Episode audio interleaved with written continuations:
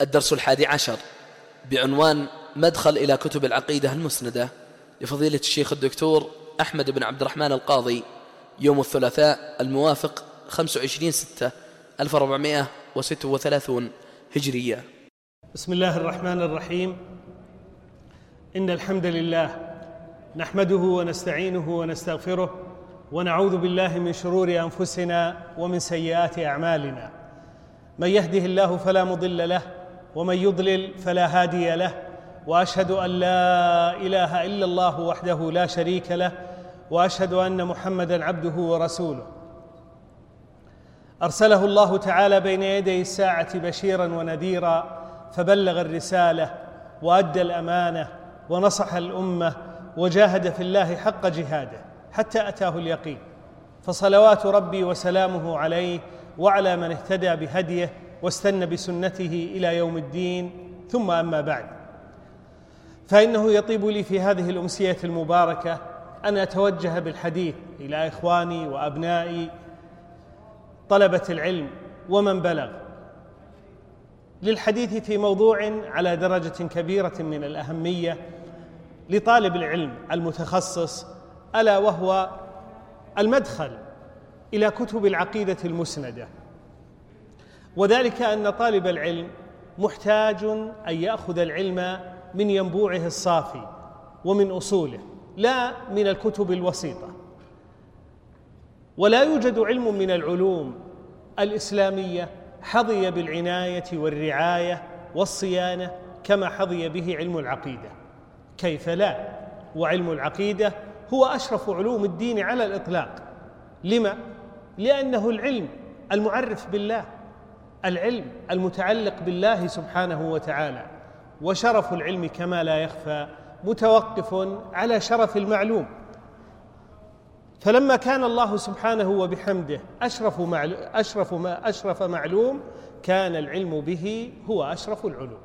ولهذا سماه الإمام أبو حنيفة رحمه الله الفقه الأكبر إشارة إلى أن ما دونه من العلوم الفرعية هي فقه أصغر بالنسبة إليه. وقال السفاريني رحمه الله في مطلع منظومته الدرة المضية وبعد فاعلم أن كل العلم كالفرع للتوحيد فاسمع نظمي لأنه العلم الذي لا ينبغي لعاقل لفهمه لم يبتغي. حظي هذا العلم الشريف بعناية السلف رواية ودراية فضبطوا أصوله ووعوا مقاصده وفهموا عن الله مراده وعن نبيه صلى الله عليه وسلم بيانه. ولم يختلفوا في مسألة من مسائله وإن وقع بينهم اختلاف في الفروع فجاءت عباراتهم بحمد الله متطابقة متوافقة متشابهة.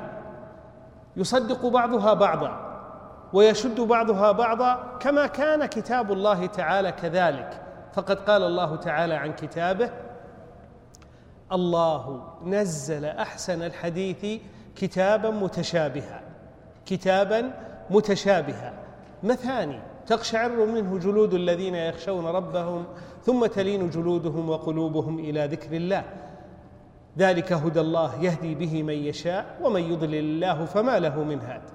فلما سار السلف رحمهم الله على نسق القرآن جاء كلامهم متطابقا متوافقا. فارجع البصر هل ترى من فطور؟ لا والله. تجد كلامهم يصدق بعضه بعضا. هذا بخلاف كلام أهل الأهواء والبدع الذين كما قالوا الإمام أحمد عقدوا ألوية البدعة وأطلقوا عقال الفتنة فهم مختلفون في الكتاب مخالفون للكتاب مجمعون على مفارقة الكتاب يقولون في الله وعلى الله وفي وفي كتاب الله بغير علم يتكلمون بالمتشابه من الكلام. ويخدعون جهال الناس بما يشبهون عليهم. فنعوذ بالله من فتن المضلين. وسر هذه المنقبة معشر طلبة العلم وطالباته ومن بلغ أن السلف الصالح اعتصموا بالكتاب والسنة وقدموا النقل على العقل وعظموا النصوص فكانوا أسعد الناس بالعقل والنقل. وكانت طريقتهم أعلم وأحكم وأسلم. وصاروا في جميع أبواب الدين وسطا بين طرفين وعدلا بين عوجين وهدى بين ضلالتين. وقد تنكب الطريق السوي صنفان من أهل الأهواء أحدهما المتكلمون وهم الذين راموا إثبات العقائد الدينية بالطرق العقلية الفلسفية ولم يشتغلوا بالرواية وحفظ الآثار وعولوا على محض العقول ونتاج الأفكار وهم في ذلك درجات بل دركات كالجهمية والمعتزلة ومن تأثر بهم من الصفاتية كالكلابية والأشعرية والماتريدية. فهذا صنف. الصنف الثاني هم الصوفية الذين استغرقوا في التهويمات القلبية وطوحوا في الشطحات الذهنية معرضين عن الاشتغال بالكتاب والسنة معتمدين على الوجد والذوق والكشف. وسائر الأحوال المزعومة زاعمين علو الإسناد بقولهم حدثني قلبي عن ربي. وظل أهل السنة يأوون إلى الركن الشديد والمهيع الرشيد ويستمسكون بالعروة الوثقى ويعتصمون بالوحيين. فأولوا جناب العقيدة كامل الاحترام. وصانوا حماها من تعدي اللئام وتمثل ذلك بالرواية الشفهية لمروياتها ثم تدوينها وحفظها بالكتابة والضبط. وقد عرفت الدواوين والأجزاء المروية بالأسانيد التي أفردت في مسائل الإيمان والاعتقاد بكتب العقيدة المسندة. فهذه التسمية ذات أو تحمل معنيين. اولا أنها كتب عقيدة فهي مختصة بهذا العلم المعروف والعقيدة مأخوذة من العقد وهو الربط والحزم والشد. وأما في الاصطلاح فالعقيدة هي حكم الذهن الجازم هي حكم الذهن الجازم. والمراد بها الإيمان بالله وملائكته وكتبه ورسله واليوم الآخر والقدر خيره وشره وما اتصل بهذه الأصول الستة من أمور أخرى كمسألة القرآن ومسألة الإيمان ومسألة الصحابة وسائر المسائل العقدية ذات العلاقة. هذه تسمى العقيدة. وأما كونها مسندة فلأنها رويت بالسند المتصل يرويها الأثبات عن الأثبات حتى تنتهي إلى رسول الله صلى الله عليه وسلم. اذا فهذه التسمية التي عنون لهذا اللقاء بها مدخل إلى كتب العقيدة المسندة تمييزا لها عن سائر الفنون الشرعية من جهة وعن المصنفات العقدية التي تقرر مذهب السلف دون حكاية للإسناد وهذا كثير. سنتناول أيها الكرام هذا الموضوع من خلال آه عدة مباحث. اولا سنتحدث عن مراحل تدوين العقيدة المسندة. كيف دونت العقيدة؟ الثاني ما الأسباب الداعية إلى تدوين العقيدة المسندة وإفرادها بالتصنيف؟ وأما الثالث فسنعرض مسردا تاريخيا لهذا العلم الذي نتحدث عنه. ثم نختم ببيان منهج السلف في تدوين العقيدة المسندة. معشر طلبة العلم وطالباته. يحتاج طالب العلم إلى أن يقف بنفسه على هذه الكتب المسندة ويتعاطى ويتعامل معها مباشرة. فإن كثيرا من طلبة العلم اكتفوا بما ألفه المتأخرون أو المتوسطون من أهل السنة والجماعة الذين جمعوا زبد العقيدة وخلاصاتها. لكنهم لم يقفوا بأنفسهم على كلام السلف المتقدمين اكتفاء بما كتبه مثلا شيخ الإسلام ابن تيمية وتلميذه ابن القيم أو من كان بعده. وهذا وإن كان بحمد الله كافيا ونافعا وشافيا إلا أنه لا غنى لطالب العلم من الرجوع إلى الأصول والإطلاع على كلام السلف المتقدمين الذين ضبطوا أصول العقيدة. ذلك أننا نسمع شنشنة من أخزم تظهر بين الفينة والأخرى يقول قائلها هذا الذي تسمونه عقيدة السلف إنما هو من وضع ابن تيمية. والسلف لم يكونوا كذلك. وقد وجد هذا القول في زمن شيخ الإسلام ابن تيمية رحمه الله إذ كان الناس في زمن شيخ الإسلام ابن تيمية في القرن السابع وفي القرن الثامن وما قبله وما بعده كان قد استولى على الممالك الإسلامية المذهب الأشعري. وصار الناس يتلقون عقائدهم من مما ألفه الأشاعرة. وغيبوا وحجبوا عن كلام السلف المتقدمين. فلما قام بين ظهرانيهم شيخ الإسلام ابن تيمية وقال عقيدة السلف كذا وكذا وهذه طريقة المتكلمين آه، عجبوا وحاصوا حيصة حمر الوحش. وقاوموا الشيخ وآذوه وسعوا فيه ووشوا حتى ألف رحمه الله تعالى الفتوى الحموية. فاحدثت دويا هائلا في منتصف في آخر القرن آه، السابع الهجري على رأس القرن. أحدثت دويا هائلا لأن الشيخ رحمه الله نقل كلام السلف المتقدمين في إثبات الصفات, وإقرارها وإمرارها من مصادرها الأصلية التي لم يكن الناس ذلك الوقت يشتغلون بها.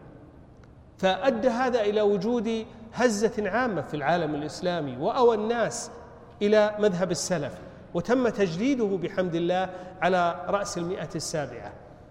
وحينما قيض الله له أن ينتقل إلى مصر مخفورا وبقي في بلاد مصر مدة من الزمن سأله سائل من مراكش عن هذه المسألة فألف القاعدة المراكشية فسارت في الآفاق في بلاد المغرب فكانت الفتوى الحموية آه، فتحا على بلاد المشرق الإسلامي. والقاعدة المراكشية فتحا على بلاد أهل المغرب فلم يزل بحمد الله مذهب السلف يتجدد وصار الناس على بينة من أمرهم. لهذا أقول معشر طلبة العلم على طالب العلم أن يقف بنفسه على كلام السلف المتقدمين ليدرك أن ما قرره شيخ الإسلام وتلامذته ومدرسته ومن جاء بعدهم إلى يومنا هذا أنه عين كلام السلف وأن الذين شطحوا بمذهب أهل السنة والجماعة واختطفوه قوم لم يدركوا ولم يفقهوا مذهب السلف الصالح. فحري بك يا طالب العلم أن تتعامل مع هذه الكتب المسندة. دعونا يا رعاكم الله نتناول لمحة عن مراحل تدوين العقيدة. كيف دونت هذه العقيدة الإسلامية؟ لا ريب. أن أول تدوين للعقيدة الإسلامية تمثل في كتابة المصحف لأن المصحف هو المكنز الرئيس للعقيدة الإسلامية. ولا ريب أن أشرف إسناد دونت به مسائل الاعتقاد ما نزل به الروح الأمين على قلبك لتكون من المنذرين. ولا ريب أيضا أن أصح تحمل وأداء وقع ما وقع لمعلم الناس الخير. بأبي هو وأمي صلى الله عليه وسلم. قال الله تعالى لا تحرك به لسانك لتعجل به إن علينا جمعه وقرآنه فإذا قرأناه فاتبع قرآنه ثم إن علينا بيانه. إذن قد اطمأننا غاية الطمأنينة على صحة المصدر وأن أصل هذه العقيدة دون في كتاب الله. تلقاه رسول الله صلى الله عليه وسلم عن جبريل الأمين عن رب العالمين. ثم حفظه الله في صدر نبيه وأملاه نبيه صلى الله عليه وسلم على الكتبة فحفظ أول نصوص هذه العقيدة المسندة. ثم إنه صلى الله عليه وسلم بين للناس ما نزل إليهم من ربهم. غاية البيان. وترك أمته على البيضاء ليلها كنهارها. لا يزيغ عنها إلا هالك. لا سيما في أشرف علوم الدين وهو باب الاعتقاد والعلم بالله فإن ذلك أعظم مهام الأنبياء. قال الله تعالى وما أرسلنا من قبلك إلا رجالا نوحي إليهم فاسألوا أهل الذكر إن كنتم لا تعلمون بالبينات والزبر وأنزلنا إليك الذكر لتبين للناس ما نزل إليهم ولعلهم يتفكرون. أود أيها الكرام ويا أيتها الكريمات ومن بلغ أن أقف عند هذه النقطة لأؤكد بشكل تام أن النبي صلى الله عليه وسلم باشر بنفسه تعليم أمته العقيدة الصحيحة. وأن الأمر ليس كما يظن بعض السفهاء أن النبي صلى الله عليه وسلم كان يتلو عليهم القرآن ويكتفون بالإيمان الإجمالي. حتى بلغ الأمر ببعض الأغبياء أن يقول طريقة السلف أسلم وطريقة الخلف أعلم وأحكم. زعما منهم بأن السلف الصالح من الصحابة والتابعين لم يكونوا أهل تحقيق وتدقيق وإنما كانوا مجرد آه، حملة أسفار ورواة آثار وأنهم لا يتعمقون في فهم معنى ما نزل إلى نبيه صلى الله عليه وسلم. هذا من أبطل الباطل وأمحل المحال ولهذا فإن شيخ الإسلام ابن تيمية رحمه الله آه، ذكر كلاما قويا حازما صارما في مقدمة الحموية. استمعوا إليه أيها الكرام أرعوه أسماعكم.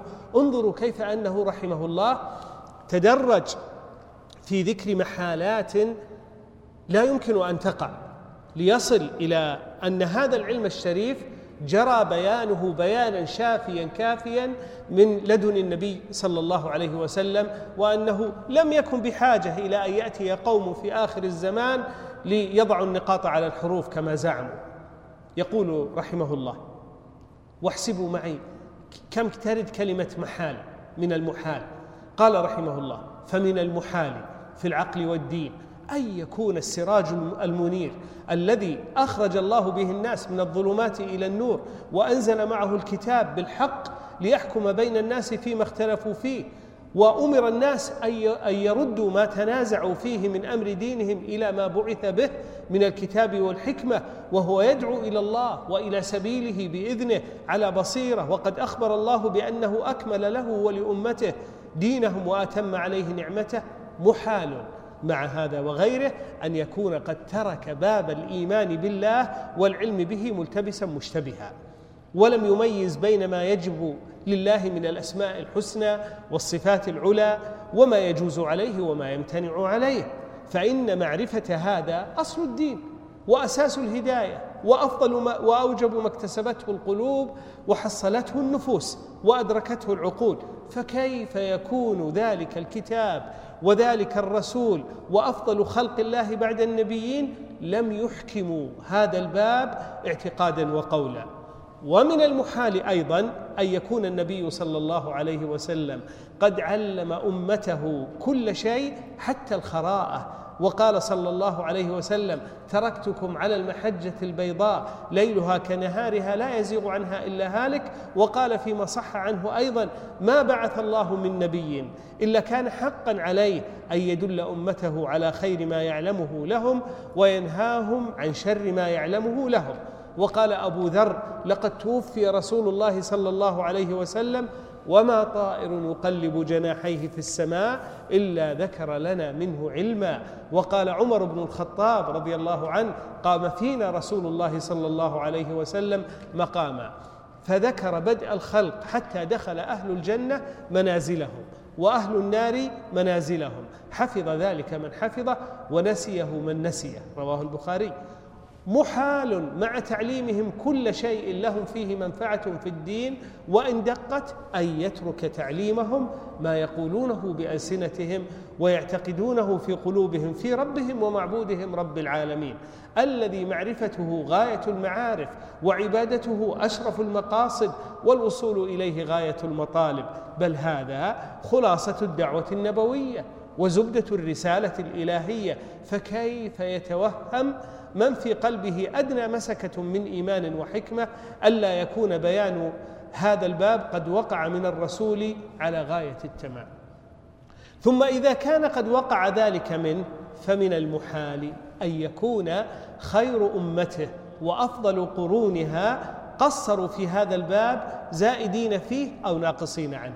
رأيتم انتقل رحمه الله بعد التأكيد والتقرير أن النبي صلى الله عليه وسلم قد علم أمته هذا الباب غاية التعليم إلى من بعد النبي صلى الله عليه وسلم وهم الصحابة. فبين أيضا أنه من المحال أن يكونوا قصروا في هذا الباب. قال ثم من المحال أيضا أن تكون القرون الفاضلة القرن الذي بعث فيه النبي صلى الله عليه وسلم ثم الذين يلونهم ثم الذين يلونهم كانوا غير عالمين أو غير قائلين في هذا الباب بالحق المبين. يستحيل. لأن ضد ذلك إما عدم العلم والقول وإما اعتقاد نقيض الحق. فعلا. إن لم يكونوا كذلك فهم إما موصوفون بالجهل وإما معتقدون للباطل. وقول خلاف الصدق وكلاهما ممتنع. أما الأول فلأن من في قلبه أدنى حياة وطلب للعلم أو نهمة في العبادة يكون البحث عن هذا الباب والسؤال عنه ومعرفة الحق فيه أكبر مقاصده وأعظم مطالبه. أعني بيان ما ينبغي اعتقاده لا معرفة كيفية الرب وصفاته وليست النفوس الصحيحة إلى شيء أشوق منها إلى معرفة هذا الأمر.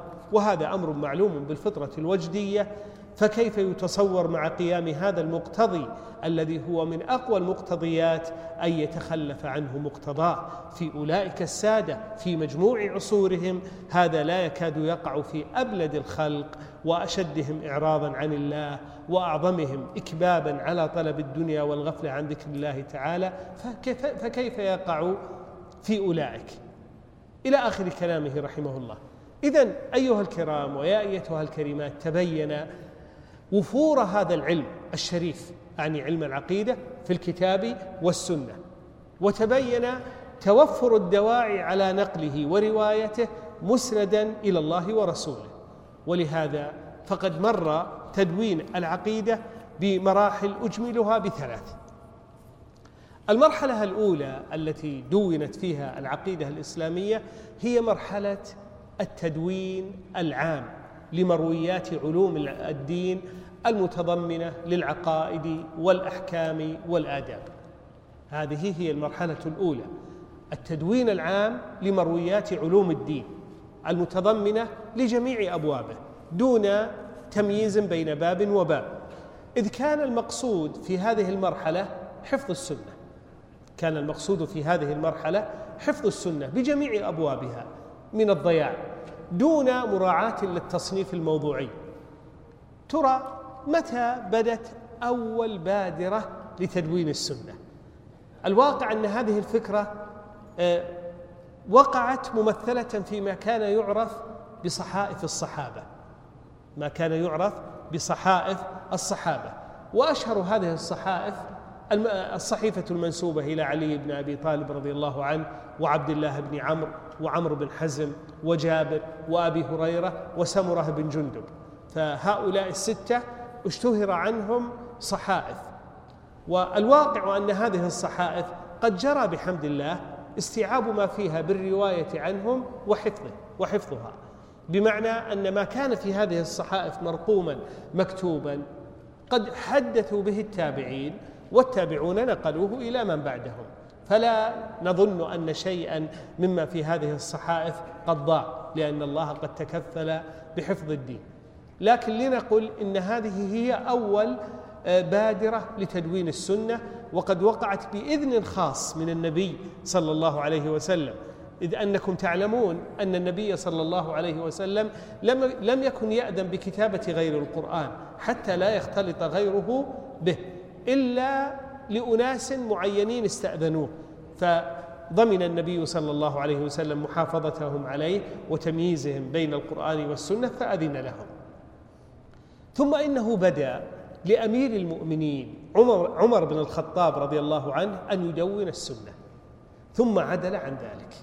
فقد روى البيهقي بسنده عن عروة بن الزبير أن عمر بن الخطاب رضي الله عنه أراد أن يكتب السنن فاستشار في ذلك أصحاب رسول الله صلى الله عليه وسلم فأشاروا عليه أن يكتبها. فطفق عمر يستخير الله فيها شهرا ثم أصبح يوما وقد عزم الله له. قال إني كنت أردت أن أكتب السنن وإني ذكرت قوما كانوا قبلكم كتبوا كتبا فأكبوا عليها وتركوا كتاب الله وإني والله وإني والله لا ألبس كتاب الله بشيء أبدا. اذا عدل عمر رضي الله عنه عن كتابة السنة ولله في ذلك حكمة بالغة.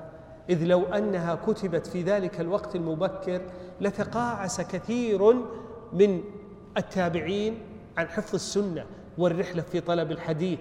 لكن لما بقيت روايات شفهية يحملها الصحابة إلى الأمصار ظهرت الأمثلة العظيمة البديعة في الرحلة في طلب الحديث. حتى كان الرجل يرحل من المصر إلى المصر لطلب حديث واحد. وعنوا بها غاية العناية. فكان الأمر في مبدأه رواية شفهية محفوظة بالإسناد. إلا أن أول إذان بتدوين السنة بتدوين السنة أي كتابتها مجموعة وقع في عهد عمر بن عبد العزيز. حفيد عمر بن الخطاب من جهة أمه. فقد علق الإمام البخاري في صحيحه قائلا كتب عمر بن عبد العزيز إلى أبي بكر بن حزم. انظر ما كان من حديث رسول الله صلى الله عليه وسلم فاكتبه. فإني خفت دروس العلم وذهاب العلماء ولا تقبل إلا حديث النبي صلى الله عليه وسلم. يعني لا تخلطه بغيره. ولتفشوا العلم ولتجلسوا حتى يعلم من لا يعلم. فإن العلم لا يهلك حتى يكون سرا. صدق رحمه الله. فإن العلم لا يهلك حتى يكون سرا. وفي الموطأ من رواية محمد بن الحسن قال أخبرنا مالك قال أخبرنا يحيى بن سعيد أن عمر بن عبد العزيز كتب إلى أبي بكر بن عمرو بن حزم أن انظر ما كان من حديث رسول الله صلى الله عليه وسلم أو سنته أو حديث عمر أو نحو هذا وفي بعضها حديث عمرة أو نحو هذا فاكتبه لي. فإني قد خفت دروس العلم وذهاب العلماء. قال محمد أي محمد بن الحسن وبهذا نأخذ ولا نرى بكتابة العلم بأسا وهو قول أبي حنيفة رحمه الله. وروى البيهقي بسنده عن عبد الله بن دينار أن عمر بن عبد العزيز رحمه الله كتب إلى أبي بكر بن حزم. أبي بكر بن محمد بن عمرو بن حزم يأمره انظر ما كان من حديث رسول الله صلى الله عليه وسلم أو سنة ماضية أو حديث عمرة فاكتبه فإني خفت دروس العلم وذهاب آه، أهله وكتب بمثله إلى بقية الأمصار وكان ذلك على رأس القرن الأول. إذ أن عمر بن عبد العزيز رحمه الله قد تولى على رأس القرن الأول نحو عام 99 إذا كانت هذه هي أول خطوة عملية للتدوين لتدوين السنة مجتمعة. لكن أول جمع موسوعي للمرويات تم على يد محمد بن شهاب الزهري رحمه الله المتوفى سنة 124 حيث كان محمد بن شهاب رحمه الله يخرج لطلابه أجزاء مكتوبة من مروياته غير مبوبة. ثم بعد ذلك شاع التدوين إبان القرن الثاني. فدون ابن جريج المتوفي سنة 150 وابن إسحاق سنة 151 وكان بمكة. وسعيد بن أبي عروبة المتوفى سنة 156 والربيع بن صبيح المتوفى سنة 160 ومالك سنة المتوفى سنة 179 وهؤلاء الثلاثة كانوا في المدينة. ودون حماد بن سلمة المتوفى سنة 167 بالبصرة وسفيان الثوري المتوفى سنة 161 وكان بالكوفة والأوزاعي المتوفى سنة 157 وكان بالشام وهشيم رحمه الله المتوفى سنة 173 وكان بواسط وابن المبارك المتوفى 181 ولا زلنا أيها الإخوة في بحر القرن الثاني. وكان ابن المبارك بخراسان ومعمر سنة 154 وكان في اليمن وجرير بن عبد الحميد وكان بمصر وكان رحمه الله بالري. وقد توفي سنة 188 وسفيان بن عيينة المتوفى سنة 198 بالكوفة. والليث بن سعد المتوفى 175 وكان بمصر وشعبة بن الحجاج المتوفى سنة 160 وكان بواسطة والبصرة. كل هؤلاء الأئمة دونوا كلهم دونوا بعد محمد بن شهاب الزهري. وعلى هذا النسق جرى الأمر في العصر الذهبي لتدوين السنة. ما هو العصر الذهبي لتدوين السنة؟ القرن الثالث الهجري الذي شهد تدوين الجوامع والمسانيد الكبار على مرويات الصحابة كمسند عبد الله بن موسى العبسي ومسدد بن مسرهد وأسد بن موسى ونعيم بن حماد الخزاعي وإسحاق بن راهويه وعثمان بن أبي شيبة وأخوه. وتوجه الإمام أحمد رحمه الله بمسنده الشهير. صارت حركة علمية دائبة في تدوين السنة وحفظها بجميع أنواعها وفروعها. وقد أحصى بعض الباحثين عدد المسانيد التي ألفت في القرون الثلاثة فقط القرون الثلاثة الفاضلة فبلغ بها خمسا وستين خمسة وستين مسندا خمسة وستين مسندا. كما أحصى الجوامع فبلغ بها ستة عشر جامعا كجامع معمر ومصنف عبد الرزاق وغيره. تصوروا هذا العدد الكبير الذي حفظ الله تعالى به الدين والسنة. طبعا كل ذلك أيها الكرام وأحاديث العقيدة تأتي في خضم المرويات المختلفة مع الأحكام والتفسير والسير والمغازي والمناقب ولا تختص بديوان.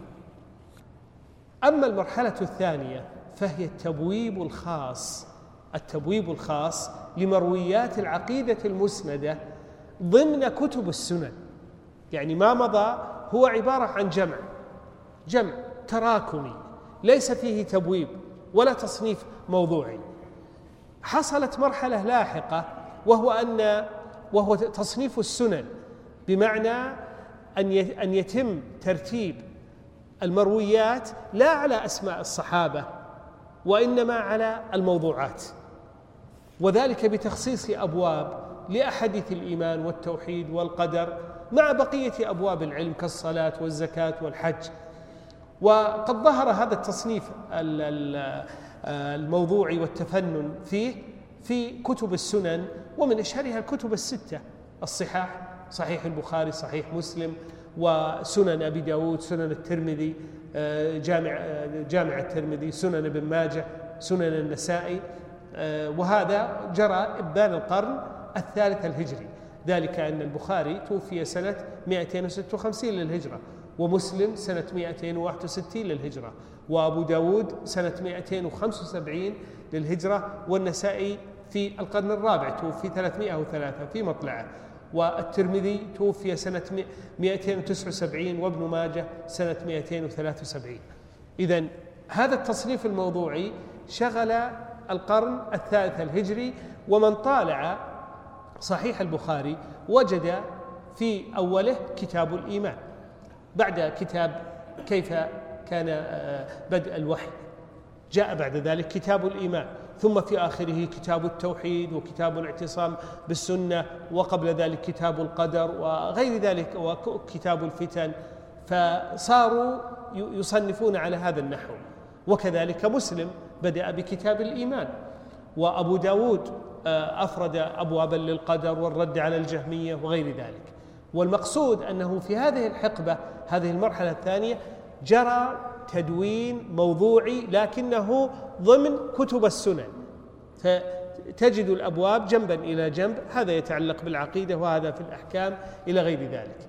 يقول شيخ الإسلام ابن تيمية رحمه الله إن كتب الصحاح والسنن والمسانيد هي المشتملة على أحاديث الصفات بل قد بوب بل قد بوب فيها أبواب مثل كتاب التوحيد والرد على الزنادقة والجهمية الذي هو آخر كتاب صحيح البخاري ومثل كتاب الرد على الجهمية في سنن أبي داود وكتاب النعوت في سنن النسائي فإن هذه مفردة لجمع أحاديث الصفات.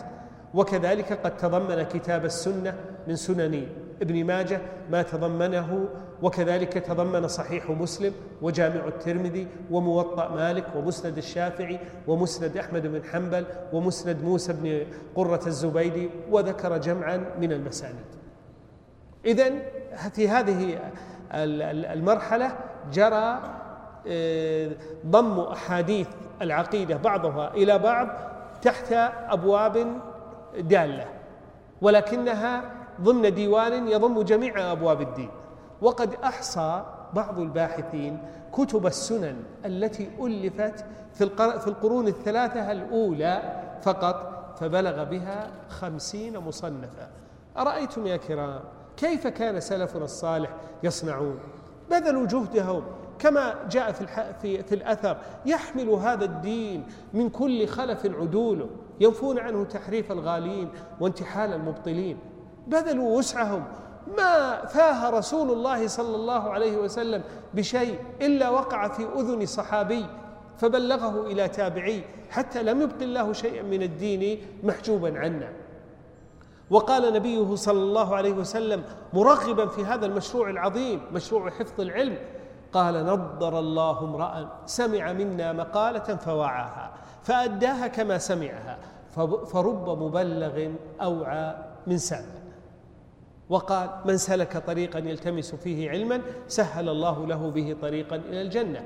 إلى غير ذلك من الأحاديث التي كان النبي صلى الله عليه وسلم يحفز فيها طلبة العلم على حفظ العلم وجعل صدورهم وعاء له.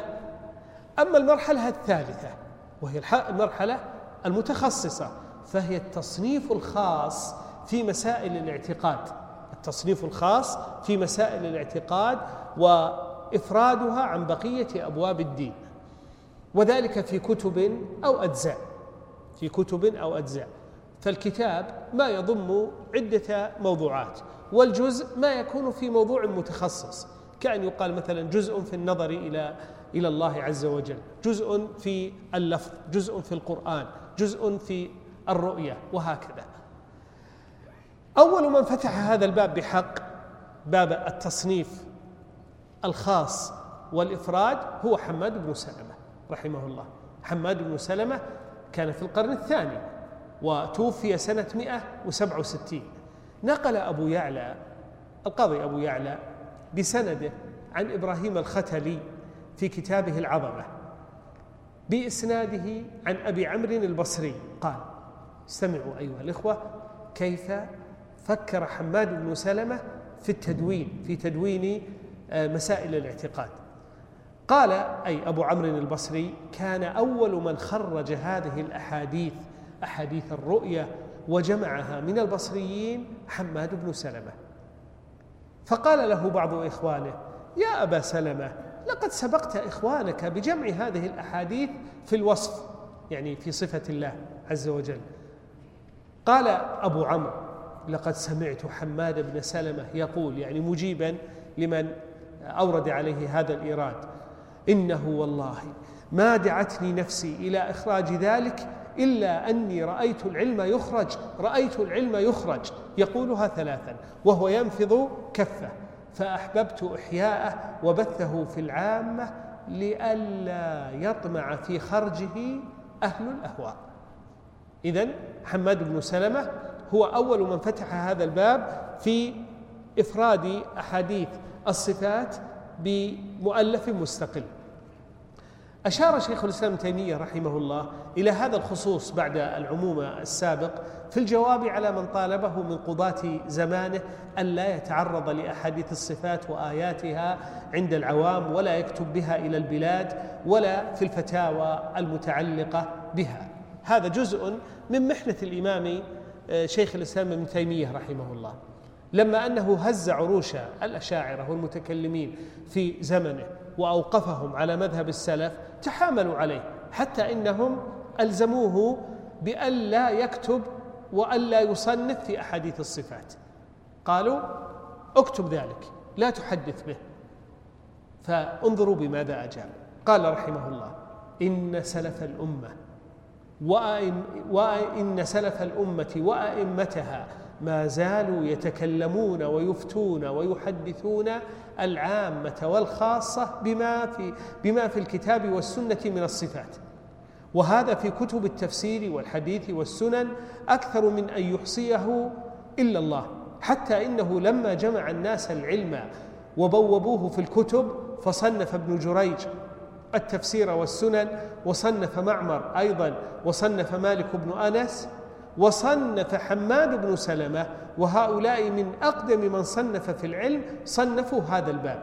فصنف حماد بن سلمة كتابه في الصفات. يعني أشار إلى أن جمعا صنفوا في هذا على سبيل الجمع. لكن حماد بن سلمة هو الذي أفرد في الصفات. كما صنف كتبه في سائر أبواب العلم. وقد قيل إن مالكا إنما صنف الموطأ تبعا له. وقال أي مالك جمعت هذا خوفا من الجهمية.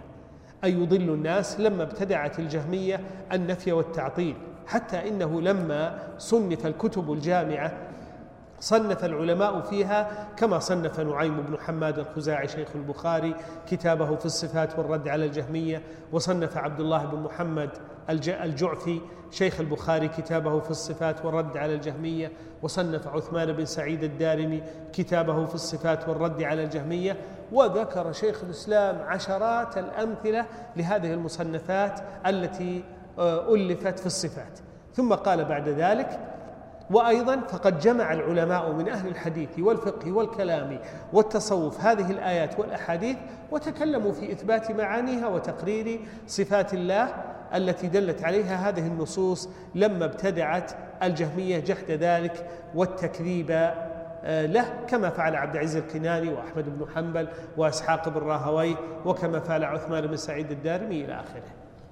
وقد أحصى بعض الباحثين المصنفات المفردة في العقيدة المسندة حتى نهاية القرن السابع الهجري فتجاوز بها 330 مصنفا. أرأيتم؟ الذين ألفوا أيها الكرام في العقيدة المسندة من كتب وأجزاء تجاوز عدد العناوين الثلاثمائة بل الثلاثمائة والثلاثين حتى نهاية القرن السابع. نعم ربما كان بعض العناوين مكررا لاختلاف النساخ في كتابته لكن أيا كان هذا عدد كبير يدل على عناية الأمة بهذا العلم وحرصهم على ضبطه. إذا تبين لنا بحمد الله أن العقيدة حظيت بالعناية الفائقة منذ وقت مبكر.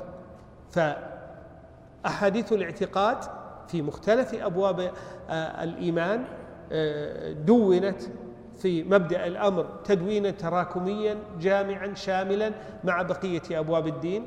ثم دونت بعد ذلك آه، مبوبة في كتب السنن مبوبة في كتب السنن آه، على أبواب آه، ذات دلالة عقدية. ثم بعد ذلك أفردت بالتأليف أفردت بالتأليف فبلغ هذا المبلغ من الكتب.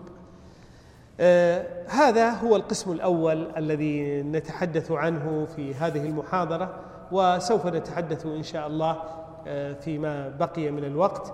عن الأسباب الداعية إلى تدوين العقيدة ونقوم برحلة آه، في كتب العقيدة المسنده ونختم ببيان منهج السلف في ذلك هذا والله المستعان وعليه التكلان وصلى الله على نبينا محمد وعلى آله وصحبه أجمعين. بسم الله الرحمن الرحيم. الحمد لله رب العالمين وصلى الله وسلم وبارك على عبده ونبيه محمد وعلى آله وصحبه أجمعين. أما بعد أه، سندلف أيها الإخوة الكرام ويا أيتها الأخوات الكريمات ومن بلغ إلى المبحث الثاني من طرحنا لهذه الليلة وهو في ذكر الأسباب الداعية إلى تدوين العقيدة المسندة وإفرادها بالتصنيف. ما الذي حمل أهل السنة على إفراد كتب العقيدة المسندة بالتصنيف؟ لما لم يدعوها آه، مشتركة مع بقية العلوم آه، سواء في المسانيد أو السنن. سأشير إلى جملة من الأسباب. بعضها قد تقدم الإلماح إليه. فمثلا من الأسباب الداعية إلى تدوين العقيدة المسندة وإفرادها بالتصنيف حفظ العلم. وهذا سبب مشترك بين جميع علوم الدين كما سمعتم خشية اندراس العلم بموت العلماء. وقد دل على هذا السبب أثر عمر بن عبد العزيز رحمه الله المتقدم. ولما للعقيدة نفسها من أهمية خاصة فقد حظيت بما تستحق من الحفظ ضمن الدواوين الأولى غير المبوبة ثم مبثوثة في المسانيد المرتبة على أسماء الصحابة ثم مبوبة مع سائر أبواب الدين في الصحاح والسنن وأخيرا مفردة في أجزاء ذات موضوعات معينة أو كتب في مجمل الاعتقاد. اذا هذا من أعظم الدواعي ويمكن أن يدل عليه جزء كلام حماد بن سلمة حينما قال رأيت العلم يخرج رأيت العلم يخرج. فهذا يدل على آه، أن من من الأهداف حفظ العلم. أما السبب الثاني فهو أخص وهو ظهور البدع والخشية من تحريف النصوص. ظهور البدع والخشية من تحريف النصوص. تعلمون يا رعاكم الله أن قرن البدع بدأ في وقت مبكر وأول بدعة ظهرت في الإسلام هي بدعة الخوارج وهي تتعلق بمسألة الإيمان وإخراج مرتكب الكبيرة عن مسمى الإيمان. تلاها بدعة التشيع والغلو في علي وآل البيت. تلاها بدعة القدرية الذين ظهروا في أواخر عهد الصحابة. تلاها بدعة المرجئة الذين أخرجوا العمل عن مسمى الإيمان.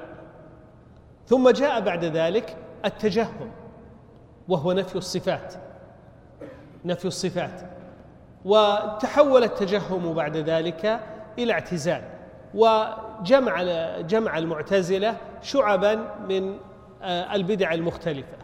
وظهر أيضا بإزاء ذلك بدعة التصوف. وتمرحل التصوف عبر درجات من البدعة العملية إلى البدعة الاعتقادية حتى انحط بهم إلى القول بوحدة الوجود. المقصود أن خط البدع آه، تاريخيا بدأ في وقت مبكر ولأجل ذا انتدب السلف لتدوين العقيدة. وهذا يتضح من كلام حماد بن سلمة أيضا لما سئل عن سبب إفراده أحاديث الصفات فقال إنه والله ما دعتني إلى إخراج ذلك إلا أني رأيت العلم يخرج رأيت العلم يخرج يقولها ثلاثا وهو ينفض كفه فأحببت إحياءه وبثه في العامة لئلا يطمع العامة لئلا يطمع أهل الأهواء في خرجه لئلا يطمع في خرجه أهل الأهواء. فكأن حماد بن سلمة خشي أن يعبث أهل الأهواء بحديث رسول الله صلى الله عليه وسلم ويؤولوه على ما يوافق أهواءهم فأراد أن يقطع الطريق عليهم بالسبق إلى ذلك. ولهذا قال شيخ الإسلام تيمية رحمه الله وقد قيل إن مالكا إنما صنف الموطأ تبعا له يعني تبعا لحماد بن سلمة. وقال جمعت هذا خوفا من الجهمية أن يضل الناس لما ابتدعت الجهمية النفي والتعطيل السبب الثالث الذي دعاهم إلى تصنيف كتب العقيدة وإفرادها الرد على تصانيف المبتدعة. المبتدعة صاروا يؤلفون وينشرون ضلالاتهم مكتوبة. ومن أوضح الأمثلة على ذلك ما وقع لعثمان بن سعيد الدارمي رحمه الله. أبو سعيد عثمان بن سعيد الدارمي فقد رد على بشر المريسي ورد على ابن الثلجي وقال في مقدمة كتابه في الرد على بشر المريسي المسمى نقض عثمان بن سعيد على الكافر العنيد فيما افتراه على الله في التوحيد. يقصد بالكافر العنيد بشر المريسي. قال أما بعد فقد عارض مذاهبنا في الإنكار على الجهمية ممن بين ظهريكم معارض. وانتدب لنا منهم مناقض ينقض ما روينا فيهم عن رسول الله صلى الله عليه وسلم وعلى أصحابه بتفسير المضل بشر بن غياث الجهمي إلى أن قال أنشأ هذا المعارض يحكي في كتاب له عن المريسي من أنواع الضلال وشنيع المقال والحجج المحال إلى أن قال فخشينا الا يسعنا إلا الإنكار على من بثها ودعا الناس إليها منافحة عن الله وتثبيتا لصفاته العلى ولأسمائه الحسنى ودعا على الطريقة المثلى ومحاماة عن ضعفاء الناس وأهل الغفلة من النساء والصبيان أن يضلوا بها ويفتتنوا. اذا هذا سبب جلي لتأليف الكتاب وهو الرد على ما كتبه بشر بن غياث المريسي. قال شيخ الإسلام تيمية رحمه الله مبينا هذا السبب من الأسباب الداعية قال إن الذي أوجب لهم جمع هذه الأحاديث وتبويبها ما أحدثت الجهمية من التكذيب بموجبها وتعطيل صفات الرب المستلزمة لتعطيل ذاته وتكذيب رسوله والسابقين الأولين والتابعين لهم بإحسان وما صنفوه في ذلك من الكتب وبوبوه أبوابا مبتدعة يردون بها ما أنزله الله على رسوله ويخالفون بها صرائح المعقول وصحائح وصحائح المنقول وقد أوجب الله تبليغ ما بعث به رسله وأمر ببيان العلم وذلك يكون بالمخاطبة تارة وبالمكاتبة أخرى. فإذا كان المبتدعون قد وضعوا الإلحاد وفي بعض النسخ قد وصفوا الإلحاد في كتب فإن لم يكتب العلم الذي بعث الله به رسوله في كتب لم يظهر الحاد ذلك ولم يحصل تمام البيان والتبليغ ولم يعلم كثير من الناس ما بعث الله به رسوله من العلم والإيمان المخالف لأقوال الملحدين المحرفين وكان جمع ما ذكره النبي صلى الله عليه وسلم وأخبر به عن ربه أهم من جمع غيره. انتهى كلامه رحمه الله. وهذا درس للأمة إلى الأبد وهو أنه إذا فشى فشت البدعة وتسنم المبتدعة المنابر تعين على أهل العلم والإيمان الانتصاب لهم والدفع في نحورهم. فإذا وجد مؤلف من مؤلفات المبتدعة سواء كانت بدعته بدعة قديمة أو بدعة حديثة كبدع الليبراليين والعلمانيين وغيرهم فإنه يتعين على أهل العلم والإيمان أن يقفوا في وجوههم وأن يصونوا الأمة من ضلالاتهم. هذا واجب أوجبه الله تعالى على أهل العلم. ميثاق غليظ.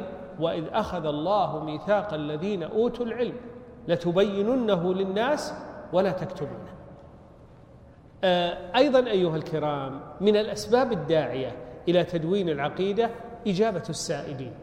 إجابة السائلين. فكثير من كتب العقيدة تجد في مقدمتها أن مصنفها فعل ذلك إجابة لمن سأله سواء كان السائل من الخلفاء أو العلماء أو من عامة الناس كل ذلك واقع وجارب. من شواهد ذلك ما ذكره ابن كثير رحمه الله قال وقد كتب الخليفة المتوكل إلى أحمد أي الإمام أحمد بن حنبل يسأله عن القول في القرآن سؤال استرشاد واستفادة لا سؤال تعنت ولا امتحان ولا عناد. فكتب إليه أحمد رحمه الله تعالى رسالة حسنة في رسالة حسنة فيها آثار عن الصحابة وغيرهم وأحاديث مرفوعة.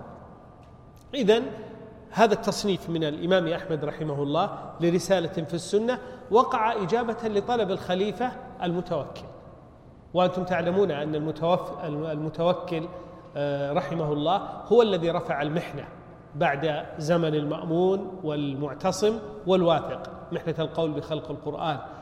وأفرج عن الإمام أحمد وسأله هذا السؤال فصنف له أحمد رحمه الله هذه الرسالة. ذكر شيخ الإسلام ابن تيمية رحمه الله أيضا أن أبا أحمد الكركي القصاب المعروف بالقصاب وسمي أو لقب بهذا اللقب القصاب لكثرة ما قتل من المشركين. لكثرة ما قتل من المشركين. كان عالما مجاهدا رحمه الله. فقال إنه هو الذي كتب للخليفة القادر بالله الاعتقاد القادري. والاعتقاد القادري رسالة حسنة كانت تقرأ في الجوامع بعد صلاة الجمعة وفي المساجد وفيها عقيدة السلف. ونسبت إلى الخليفة القادر بالله العباسي وهو من خيار خلفاء بني العباس وأطولهم مدة. ذكر شيخ الإسلام أن الذي كتب له هذه العقيدة هو أبو أحمد القصاب. وقال ابن أبي زمانين وهو من علماء المالكية في بيان سبب تأليف كتابه أصول السنة قال أما بعد فإن بعض أهل الرغبة في اتباع السنة. سألني أن أكتب له أحاديث يشرف على مذاهب الأئمة في اتباع السنة والجماعة الذي يقتدى بهم وينتهى إلى رأيهم. مثال آخر أبو عثمان الصابوني قال في مقدمة عقيدة السلف وأصحاب الحديث سألني إخواني في الدين أن أجمع لهم فصولا في أصول الدين. فاستخرت الله تعالى وأثبت في هذا الجزء ما تيسر منها على سبيل الاختصار. قال اللالكائي رحمه الله في مقدمة كتابه شرح أصول اعتقاد أهل السنة والجماعة. قال وقد كان تكررت مسألة أهل العلم إياي عودا وبدءا في شرح اعتقاد مذاهب أهل الحديث. قدس الله أرواحهم وجعل ذكرنا لهم رحمة ومغفرة فأجبتهم إلى مسائل مسألتهم. إذا كان أهل العلم يرون لزاما عليهم أن يجيبوا سؤال السائلين. فيرون أنه يتعين عليهم بذل العلم. وهذا كثير ومن أعظم الدواعي لتحرير العقيدة. من الأسباب وأختم بهذا السبب من الأسباب وإن كانت الأسباب أكثر من ذلك سبب يعني دقيق وهو دفع التهمة والتبرؤ من البدعة. دفع التهمة عن العالم والتبرؤ من البدعة. يبتلى أحيانا بعض العلماء بأن يلصق فيه قول لا يقول به. فيريد أن يبرئ ساحته من هذا.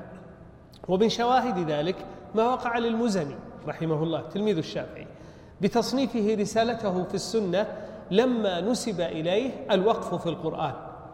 لما نسب إليه الوقف في القرآن فانتصب رحمه الله وألف رسالة يبين موافقته لأهل السنة وأنه لا يقول بالوقف في القرآن. يعني القرآن مخلوق أو غير مخلوق؟ لا. يقطع بأن القرآن كلام الله منزل غير مخلوق. أيضا ابن جرير الطبري رحمه الله آه، ألف كتابه صريح السنة لرد من طعن في معتقده وبين بأنه على معتقد الإمام أحمد بن حنبل. مثال ثالث الإمام البخاري صنف كتابه خلق أفعال العباد لما رمي بقول القدرية. وهذا يدلكم يا كرام على أن العالم الفاضل الشهير لا يسلم من البلاء. وأنه قد يوجد من أهل الشغب من يؤذيه. فهؤلاء العلماء على جلالة قدرهم وجد في زمنهم من يرميهم بقالة السوء. حتى إن الإمام البخاري رحمه الله آه، لما أراد أن يدخل نيسابور بلغه أن أهلها قد انقسموا قسمين. قسم يقول يدخل قسم يقول لا يدخل. قسم يبدعه وينسبه إلى يعني قول القدرية. فكان قد ألف كتابه خلق أفعال العباد ليبين أنه على مذهب السلف. فهذا أمر يقع للعلماء قديما وحديثا. وأذكر من الأمثلة القريبة أن شيخنا محمد بن صالح العثيمين رحمه الله ألف كتابين بسبب مقالة آه، رماه بعض الناس المتعجلين بها فألف كتابه عقيدة أهل السنة والجماعة وألف كتابه القواعد المثلى في صفات الله وأسمائه الحسنى. وهذا من نعم الله تعالى على هؤلاء المصنفين أن يوجد هذا الباعث. وكما قيل لولا اشتعال النار فيما جاورت وإذا أراد الله نشر فضيلة طويت أتاح لها لسان حسود لولا اشتعال النار فيما جاورت ما كان يعرف طيب عرف العود. آه، أنتقل بعد ذلك أيها الكرام إلى الماحة. وإلا فإن الوقت لا يتسع لمثل هذا الأمر وهو يحتاج منا يعني إلى نوع من الإبحار في هذا البحر الخضم وهو نتاج السلف رحمهم الله في كتب العقيدة المسندة.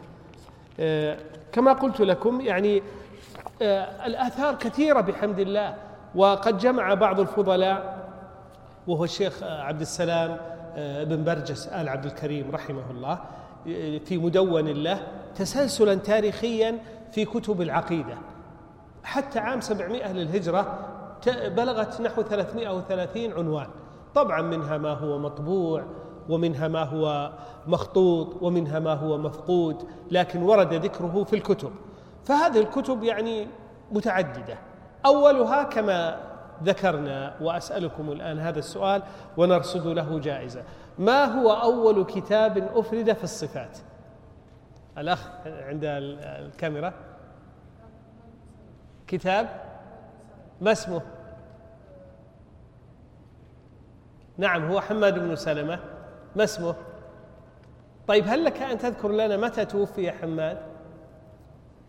طيب على كل حال أنت أجبت. تفضل. تستحق جائزة. آه إذا أول كتاب أفرد في هذا هو كتاب حماد بن سلمة بن دينار البصري وهو الصفات. وكان ذلك سنة 167 توالت الردود للإمام والعجيب أيها الإخوة أن لفظ الردود وجد في وقت مبكر. فالإمام مالك على تقدمه الإمام مالك توفي سنة 179 للهجرة ألف كتابا بعنوان القدر والرد على القدرية. وتوالت كتب أهل السنة آه، في هذا في الردود الرد على أهل الأهواء الرد آه، على الجهمية إلى آخره آه، ومن ذلك أيضا كتاب مشهور للإمام أحمد بن حنبل الرد على الزنادقة والجهمية ونسبته إلى الإمام أحمد صحيحة الرد على الزنادقة والجهمية. وللإمام أحمد كتب كثيرة في السنة من مرويات مسدد بن مسرهد ومرويات الاصطخري وعبدوس بن مالك. كل هذه ثابتة عن الإمام أحمد رحمه الله. ومن الكتب أيضا كتاب البخاري خلق أفعال العباد وكانت وفاة البخاري سنة 256 للهجرة. ومن الكتب وهو كتاب مطبوع كتاب شرح السنة للمزني إسماعيل بن يحيى المتوفي سنة 264 وهناك كتاب لأبي داود السجستاني عنوانه الرد على أهل القدر وله كتاب بعنوان السنة. ولابن قتيبة أيضا كتاب بعنوان الاختلاف في اللفظ والرد على الجهمية. ولحرب بن إسماعيل الكرماني آه، كتاب بعنوان السنة. ثم لعثمان بن سعيد الدارمي رحمه الله كتابان جليلان لا يسع طالب العلم ألا يقرأهما. وقد كان شيخ الإسلام يوصي بهما غاية الوصية. من يعرف هذين الكتابين وينال جائزة. للإمام عثمان بن سعيد الدارمي آه، رحمه الله كتابان. تفضل. آه أين المتحدث؟ آه أنا الواقع أني أردت آه، لكن ما دمت قد بدأت أكمل. آه الرد على المريس والثاني طيب يريد الجواب كاملا. أحد يعرف؟ للدارمي رحمه الله كتابان.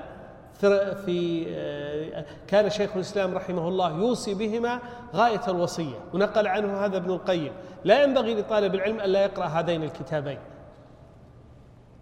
طيب إذا أحدهما لعل الأخ الذي أجاب بعض الجواب يستحق الجائزة. وأحد الكتابين هو الرد على بشر المريسي ويعنون له بعدة عناوين. منها مثلا آه، رد عثمان بن سعيد على الكافر العنيد فيما افتراه على الله في التوحيد. أما كتابه الآخر فهو الرد على الجهمية. وبالفعل يا أخوة أوصيكم بقراءة هذين الكتابين قراءة متأنية فإن هذين الكتابين قد جمع من الآثار المسندة إلى رسول الله صلى الله عليه وسلم ومن الحجاج العقلي ما لا يوجد في غيرهما. حتى إنك إذا قرأت هذين الكتابين تقول في خاطرك اذا شيخ الإسلام ابن تيمية كان يأخذ من هؤلاء. حتى في الحجاج العقلي بعض الناس يتصور إن السلف المتقدمين ما يحسنون الجدل والمناظرة. لكن إذا قرأت كلام الدارمي اكتشفت قوة عارضته وعمق فهمه وكيف يحاصر خصمه ولا يبقي له مجالا. طيب. أنا أستعرض بسرعة أمامي يعني قوائم من أسماء الأسماء وإن أتيح دفعنا هذه الأوراق إلى الإخوة فصوروها ووزعوها عليكم. آه، لعبد الله بن الإمام أحمد كتاب مطبوع الآن ومحقق بعنوان السنة السنة لعبد الله بن الإمام أحمد وكتاب بعنوان الرد على الجهمية. ولمحمد بن نصر المروزي كتاب اسمه تعظيم قدر الصلاة وهو لا يختص بما يدل عليه هذا العنوان فقط لكنه أوسع من ذلك. وكذا لابن أبي شيبة وهناك كتاب لابن جرير الطبري بعنوان صريح السنة. ولابن خزيمة ماذا كان يلقب ابن خزيمة؟ إمام الآئمة له كتاب التوحيد وإثبات صفات الرب. وهو من أجل ما صنف في هذا الباب. التوحيد وإثبات صفات الرب تجد فيها الإثبات الذي كان عليه السلف جليا نقيا. لا يبقي مجال لقائل. آه ثم هناك قصيدة لكن هذه ليست من كتب العقيدة المسندة قصيدة مشهورة وهي آه حائية ابن أبي داود لكن هذه لا تعد من المسند. آه هناك أيضا آه، كتب العسال رحمه الله آه، أبو بكر العسال وهي متعددة وكذا كتب آه، الآجري ولي آه، أبو بكر ولأبي بكر الإسماعيلي كتاب اسمه اعتقاد أهل السنة مطبوع محقق. والإسماعيلي هذا هو صاحب المستخرج على صحيح البخاري. ولأبي عثمان الصابوني رسالة سبق ذكرها وهي عقيدة السلف وأصحاب الحديث. هناك أيضا مقدمة الرسالة لابن أبي زيد القيرواني فإنها على أصول أهل السنة. وإن حاول وللأسف بعض متأخر المالكية أن يحرفوها عن مراد بن أبي زيد. ابن أبي زيد القيرواني كان يلقب بمالك الصغير لجلالته وكتابه الرسالة الذي كتب بالذهب الخالص لتعظيم أصحابه له. مقدمته مقدمة عقدية على طريقة أهل السنة والجماعة. لكن بعض الشراح المتأخرين حاولوا إفسادها وللأسف. فكذلك أيضا من الكتب المهمة وهو كتاب مطبوع حافل الإبانة عن شريعة الفرقة الناجية ومجانبة الفرق المذمومة وهذا لابن بطة العكبري. وكذلك لابن منده التوحيد ومعرفة أسماء الله وصفاته على الاتفاق والتفرد وهو كتاب مطبوع محقق. وكذا للطلمنكي ولغيره هناك أيضا آه، الحجة على تارك المحجة من الكتب التي ينبغي لطالب العلم أن يطالعها. وهناك الحجة في بيان المحجة. وشرح عقيدة أهل السنة لأبي القاسم إسماعيل بن محمد الأصبهاني الذي كان يلقب بقوام السنة قوام السنة. وللمقادسة أيضا كتب كثيرة في الاعتقاد كالاقتصاد في الاعتقاد لعبد الغني المقدسي صاحب عمدة الأحكام. ويعني بحر خضم في الحقيقة آه، يدلنا يدلنا على ما أيها الإخوة يدلنا على أن عقيدة السلف هي عقيدة المسلمين جميعا وأن هذه الكتب مبثوثة في المذاهب الأربعة لا يختص بها مذهب من مذهب. كل قدماء أصحاب الأئمة كانوا على السنة على السنة المحضة لم يتلطخوا بشيء من مناهج المتكلمين وإنما وقع الخلف في من جاء بعدهم. أما المتقدمون من جميع أصحاب المذاهب من المالكية والشافعية والحنابلة والحنفية فكانوا على العقيدة الصحيحة. ولهذا انظر مثلا آه، مثلا في مذهب الحنفية العقيدة الطحاوية في مذهب المالكية الرسالة لابن أبي زيد القيرواني في مذهب الشافعية عقيدة السلف وأصحاب الحديث لأبي عثمان الصابوني في مذهب الحنابلة آه، جمع كثير من الكتب كلمعة الاعتقاد وكتب التي ألفها الإمام أحمد نفسه.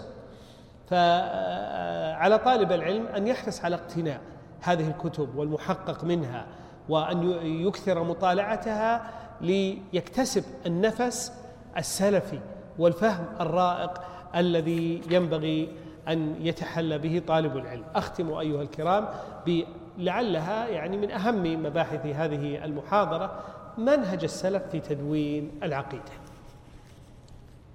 منهج السلف في تدوين العقيدة. من أبرز من أبرز ما يشار إليه في هذا المقام في منهج السلف في تدوين العقيدة الاعتماد على الإسناد. الاعتماد على الإسناد. من أعظم خصائص السلف عنايتهم بالآثار تحملا وأداء وتعويلهم وتعويلهم على على الإسناد نفيا وإثباتا. فلا يقولون على الله بغير علم ولا ينسبون إلى رسوله الكلام بلا خطام ولا زمام بل يستهجنون من يرسل الحديث على عواهنه دون إسناد.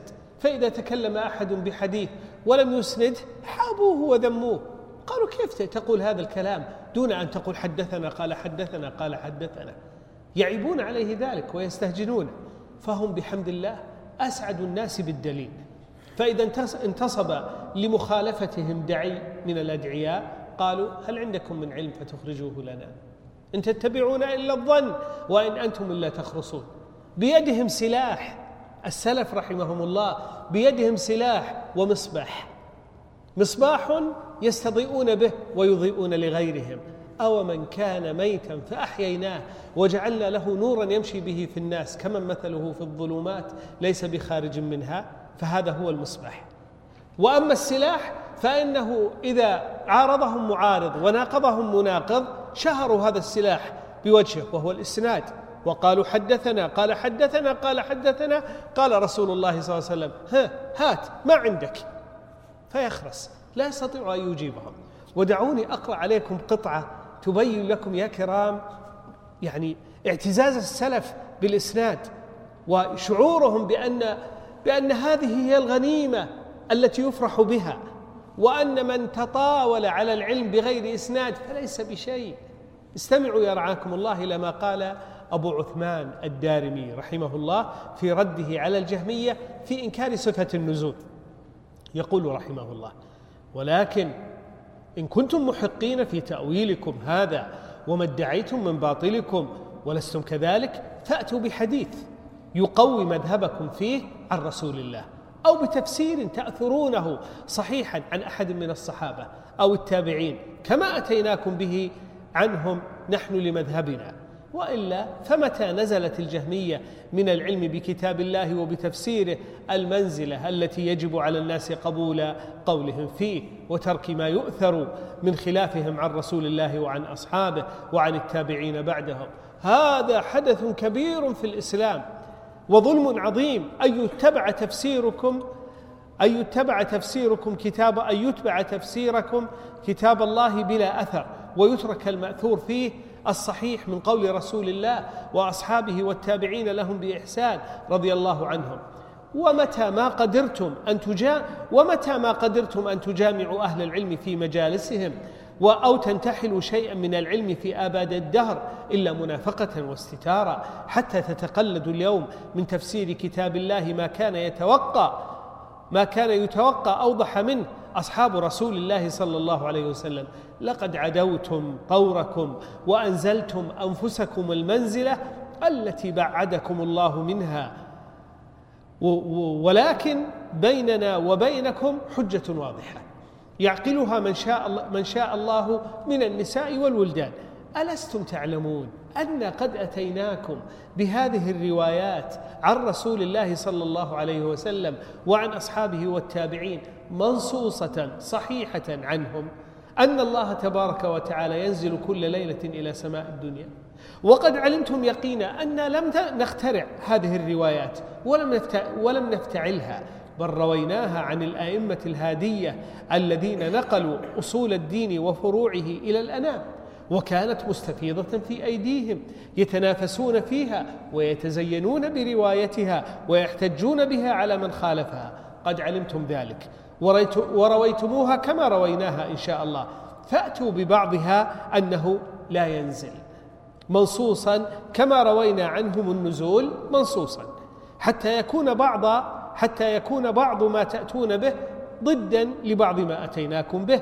وإلا لما يدفع إجماع الأمة وما ثبت عنهم في النزول منصوصا بلا ضد منصوص من قولهم أو من قول نظرائهم ولما يدفع شيء بلا شيء لأن أقاويلهم ورواياتهم شيء لازم وأصل منيع وأقاويلكم ريح وأقاويلكم ريح ليست بشيء ولا يلزم أحد منها شيء إلا أن تأتوا فيها بأثر ثابت مستفيض في الأمة كاستفاضة ما روينا عنهم ولن تأتوا به أبدا. هكذا كان السلف رحمهم الله يقمعون مخالفيهم. إذا جاء نهر الله بطل نهر معقل. يتربع المتكلمون على كراسيهم ويتكئون على أرائكهم ويأخذون يهرفون بما يعرفون وما لا يعرفون. يقول قائل المراد بكذا كذا والمراد بكذا كذا. ليس المراد بالاستواء حقيقتها المراد به الاستيلاء؟ المراد بالوجه الثواب؟ المراد باليد النعمة؟ المراد بالعين العلم؟ المراد هكذا؟ فيقال لهم هل عندكم من علم فتخرجوه لنا؟ ائتونا بحديث عن رسول الله صلى الله عليه وسلم أو مقال صاحب أو مقال تابع على ما ادعيتموه. فينقطعون لا يأتون بشيء. ثم يأتي أهل السنة بالأحاديث المسندة الصحيحة التي تبرق كالشمس في رابعة النهار على حقهم فلذلك إذا جادلوا هؤلاء المبتدعة رفعوا وشهروا في وجوههم الأسانيد. فحينئذ ينخذل أولئك. ما عندهم أسانيد ما عندهم علم ليس عندهم إلا بنات الأفكار ما عندهم إلا نتاج العقول التي تضطرب من شخص لآخر. فإذا هذه الخصيصة أيها الكرام من أعظم خصائص السلف وهي التعويل على الإسناد. الاعتماد على الإسناد بيننا وبينكم الإسناد.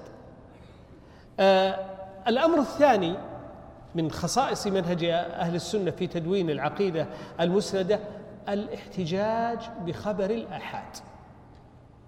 الاحتجاج بخبر الآحاد. لا يشك من نظر في كتب السلف أنهم يحتجون بالحديث الصحيح ولو كان فردا غريبا. في سائر أبواب الدين لا يفرقون بين باب وباب. الاعتقاد فما دونه ولا يشترطون التواتر للاحتجاج في مسائل الاعتقاد. وإنما ادعى هذه الدعوة وهي أنه لا يستدل بأحاديث الآحاد على مسائل الاعتقاد هذه دخيلة. ادعاها أهل الكلام من المعتزلة وجاراهم عليها بعض الصفاتية. وحين نقول الصفاتية فاعلموا يا رعاكم الله أن هذا المصطلح مصطلح الصفاتية يراد به من يعتقدون ثبوت الصفات لله عز وجل من حيث الجملة. يعني بمعنى أنهم ليسوا جهمية ولا معتزلة ويعتقدون أن الصفات تثبت لله. لكن أشكلت عليهم بعض شبهات المعتزلة فلم يحيروا لها جوابا. فجاء مذهبهم ملفقا بين أهل السنة المحضة وبين المعتزلة والجهمية. فإذا سمعت عبارة الصفاتية فالمراد بذلك الكلابية والأشاعرة والماتريدية وأتباع أبي العباس القلانسي وأتباع الحارث بن أسد المحاسبي ونحو هؤلاء. هؤلاء قوم الذين سميناهم من الأشخاص ومن الفرق الأصل فيهم إثبات الصفات. هذا من باب الإنصاف نقوله عنه. الأصل فيهم إثبات الصفات كما أنهم يعظمون السلف ويحبون الأئمة ويشتغلون برواية الحديث لكنهم وللأسف لم يفقهوا مذهب السلف كما أراده السلف. دخلت عليهم شبهات المعتزلة فلم يستطيعوا حلها.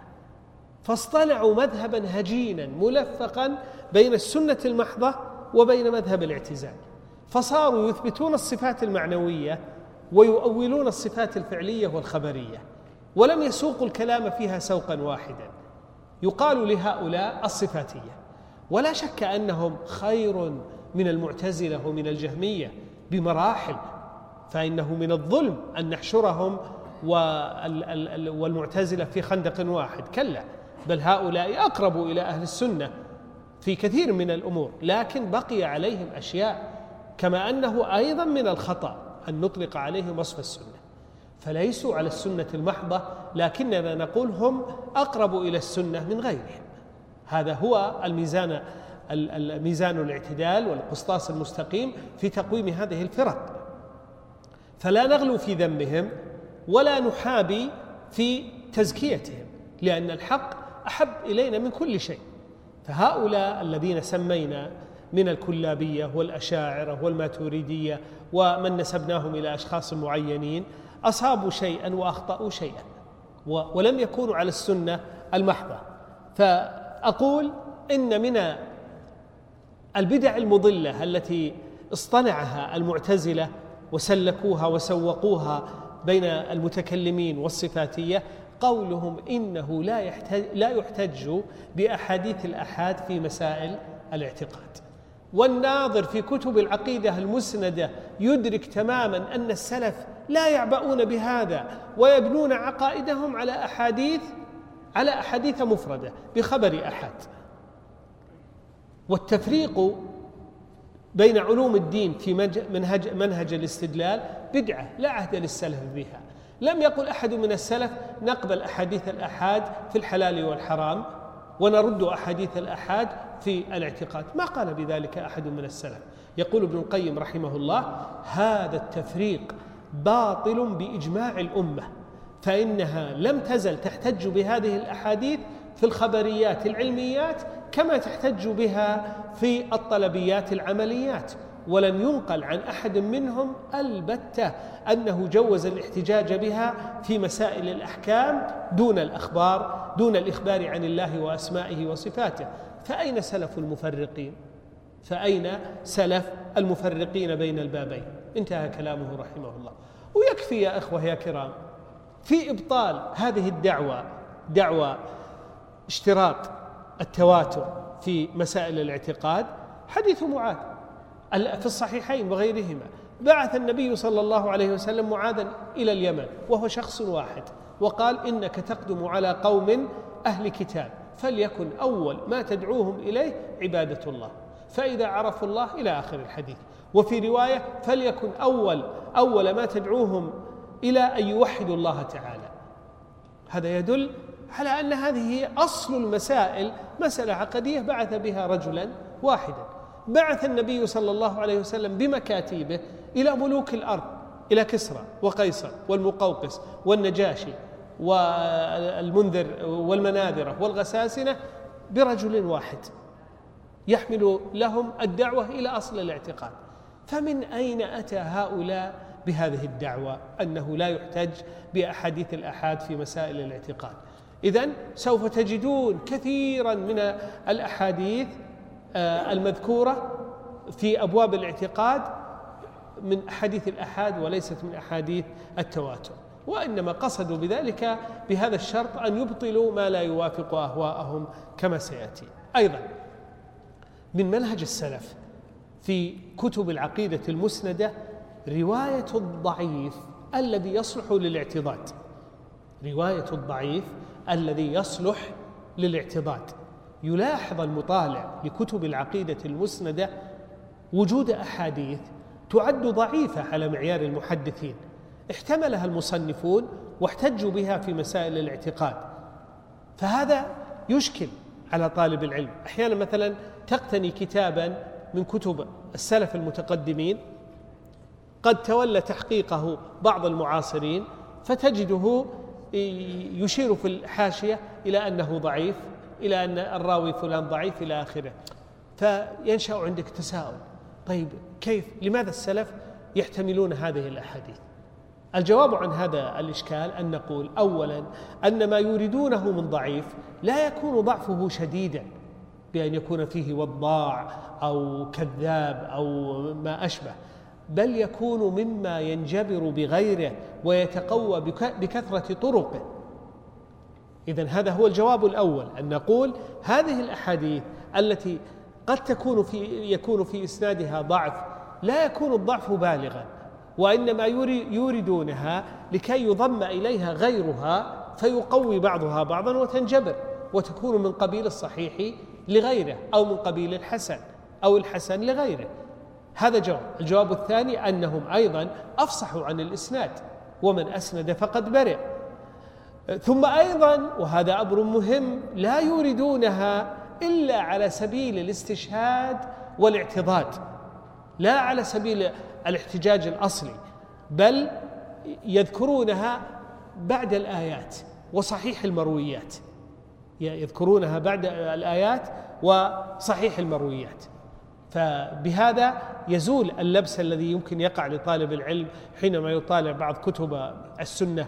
أي المسندة العقيدة المسندة ويجد في تحقيقات بعض المحققين المعاصرين الحكم عليه بأنه ضعيف.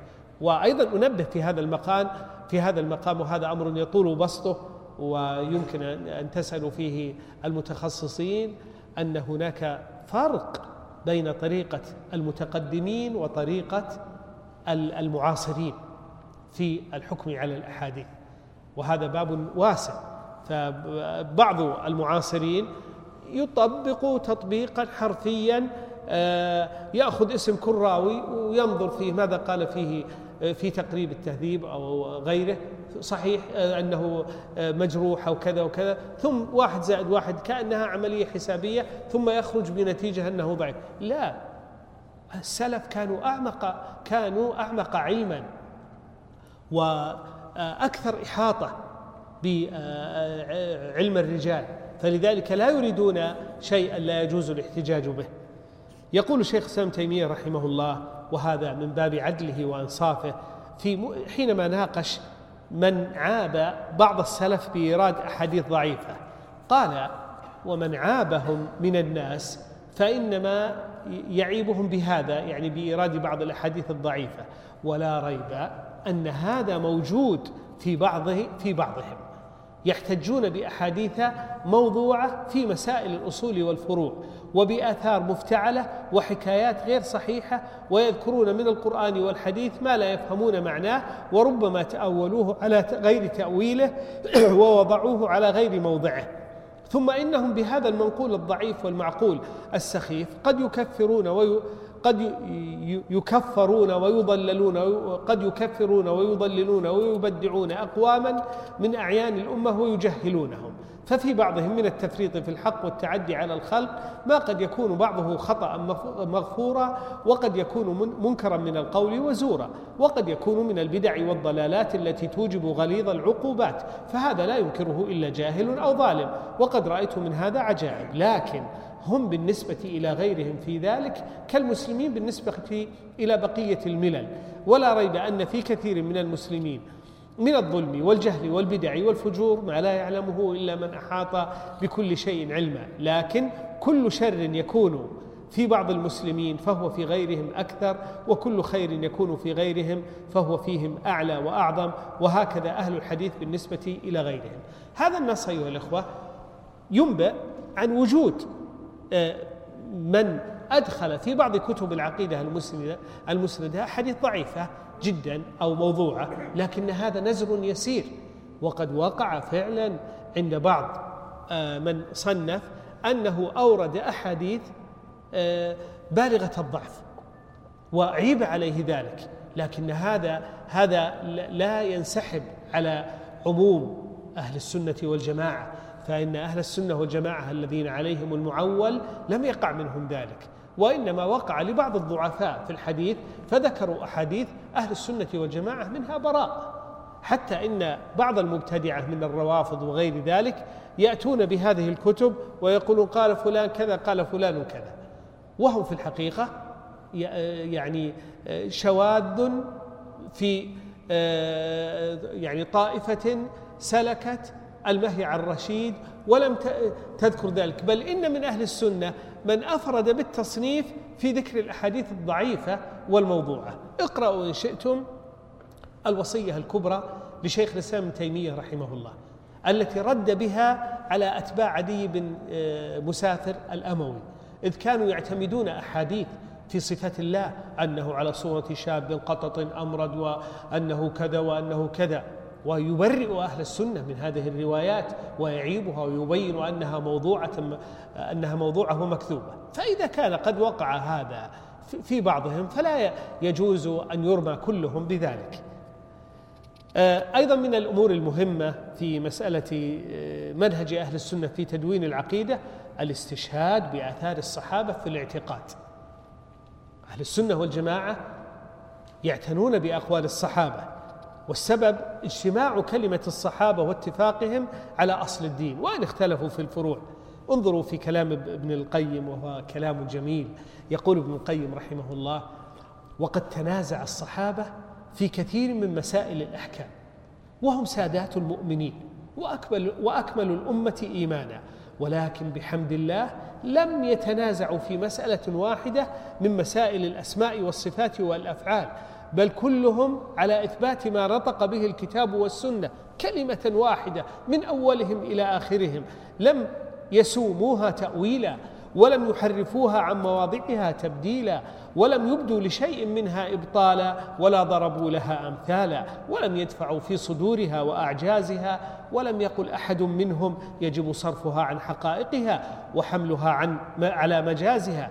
بل تلقوها بالقبول والتسليم وقابلوها بالإيمان والتعظيم وجعلوا الأمر فيها كلها أمرا واحدا وأجروها على سنن على سنن واحد ولم يفعلوا كما فعل أهل الأهواء والبدع حيث جعلوها عضين وأقروا ببعضها وأنكروا بعضها من غير فرقان مبين مع أن اللازم لهم فيما انكروه كاللازم فيما أقروا به واثبتوه والواقع أنه قد عمرت الجوامع والمسانيد والصحاح والسنن والمعاجم بأقوال الصحابة الكرام واحتفى بها التابعون وتابعوهم بإحسان لعلمهم آه، أنهم شاهدوا التنزيل وفهموا التأويل وأنهم خيرة الله من خلقه آه، بعد النبيين.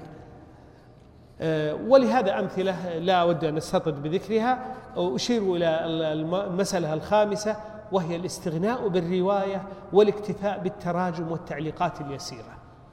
هذا يظهر جليا الاستغناء بالرواية المسندة والاكتفاء بمجرد وضع ترجمة للباب أو تعليقات يسيرة. هذا ظهر جليا في المصنفات الأولى. فكان السلف يتورعون أن يخلطوا كلامهم بكلام رسول الله صلى الله عليه وسلم.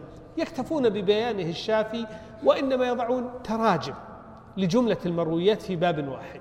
لكن لما نجمت البدعة وفشت وكثر المبتدعة وبثوا شبهاتهم العقلية زاد المصنفون في السنة من حصة البيان والتعليق والحجاج.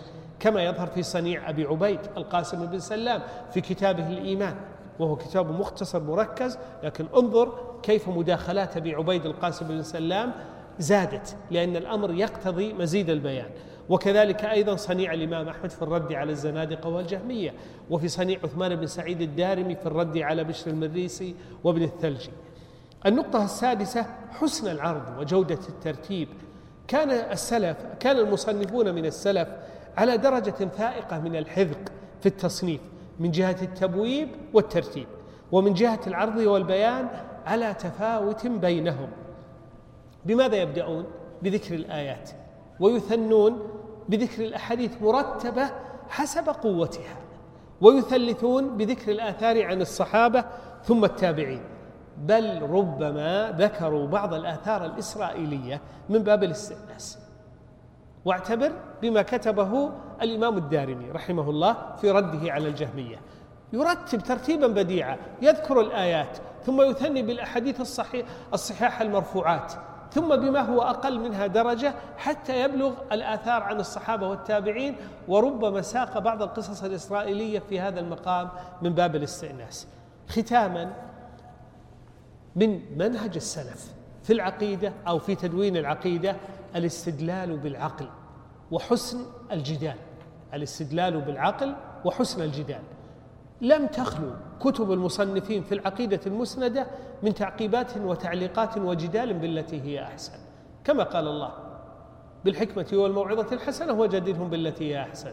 ولا تجادلوا أهل الكتاب إلا بالتي هي أحسن. ومما استعملوه في هذا المقام قياس الأولى وهذا كثير لأن الله سبحانه وتعالى أثبت قياس الأولى ومنع قياس الشمول وقياس التمثيل.